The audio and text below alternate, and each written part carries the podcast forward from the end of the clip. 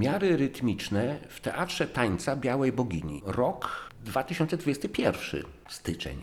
To jest praca chyba jedyna i najbardziej taka teatralna, jaką kiedykolwiek zrobiłem. Oczywiście robiłem różne rzeczy na użytek teatru, ale tak, żeby zrobić z własnej woli coś, a byłoby to poświęcone trochę teatrowi, albo miało jakiś z nim związek, no to to jest moja pierwsza tego typu praca. No i ta tytułowa bogini, biała bogini, to jest nic innego jak tylko bogini o tysiącu imion, które przewinęły się do tej pory w historii, a dziś najbardziej, chyba takim najbardziej imieniem, z którym ona jest związana, to jest Gaia. To jest bogini życia po prostu. To jest bogini naszej planety. To jest bogini roślinności i wszystkiego, co żyje. Przeczytałem kiedyś taką wybitną książkę, którą zresztą tej książki nie da się tak przeczytać, trzeba ją wielokrotnie czytać. Książka Roberta Gravesa, znakomitego poety i świetnego pisarza, którego możecie kojarzyć zupełnie z innych rzeczy, bo to on napisał na przykład Ja Klaudiusz, potem był serial z tego, to on napisał mity greckie, ale to były, jak on sam twierdzi, to były tylko takie prace zarobkowe, bo w gruncie rzeczy to on jest poetą czy był, był, bo on już nie żyje. No więc Robert Grace, Biała Bogini, grube dzieło na temat y, tego, kim jest Biała Bogini i pod jakimi postaciami występowała w przeszłości i jak to się stało, że w biegu historii albo zamieniono jej imiona na męskie odpowiedniki, albo wszystkie wiedźmy to jest biała bogini. Dawna biała bogini teraz jest wiedźmą. Caridwen, taka y, angielska wiedźma, albo te wszystkie inne, które znamy, to to jest biała bogini. I strasznie dużo można by o tym mówić, bo jak Robert Graves napisał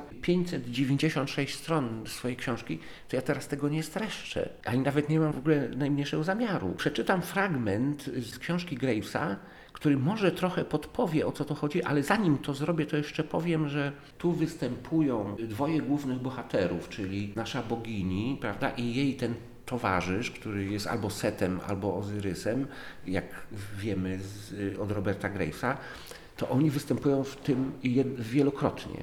Bo tak, biała bogini jest raz, dwa, trzy, cztery, pięć razy występuje, a Set Ozyrys występuje raz, dwa, trzy, też cztery razy występuje. W dawnych czasach, kiedy jeszcze był matriarchat na świecie, to było dwóch królów zawsze. Ten jeden był królem roku wschodzącego, w sierpniu był zabijany, a ten drugi był e, e, królem roku odchodzącego. W styczniu był zabijany. I kolejny był od stycznia do sierpnia, a kolejny był od sierpnia do stycznia.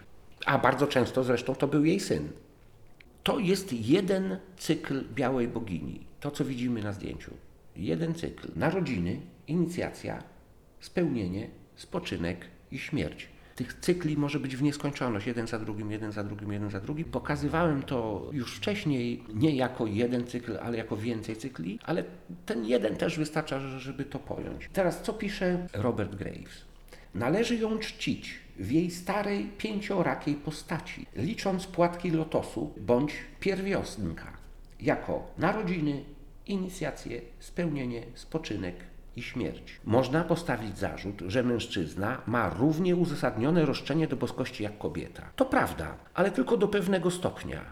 Jest on Bogiem nie jako pojedyncza osoba, lecz jako bliźniak. Tak jak Ozyrys, duch nowego roku, jest zawsze zazdrosny o swojego y, niepoprawnego seta, ducha odchodzącego roku, i vice versa, nie może być jednym i drugim, chyba że za sprawą intelektualnego wysiłku, który odbierze mu człowieczeństwo. I to jest podstawowy defekt kultu Apollina i Jahwe. Mężczyzna jest półbogiem. Zawsze jest jedną lub drugą nogą w grobie.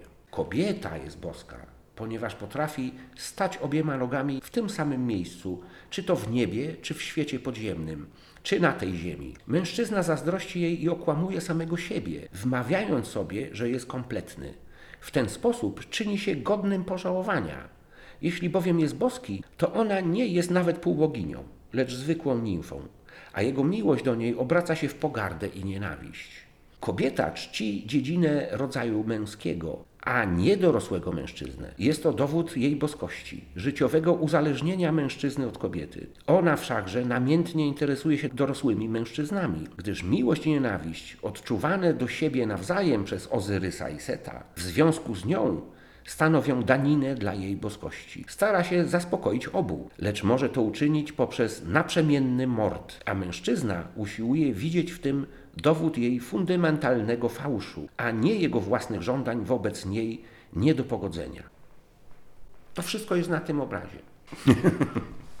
Narodziny. To jest Bałbo, to drugie, ta druga postać, to jest Bałbo. Bałbo, y, mało znany w Polsce, dziwię się, choć można to łatwo sobie w internecie sprawdzić, co to jest Bałbo.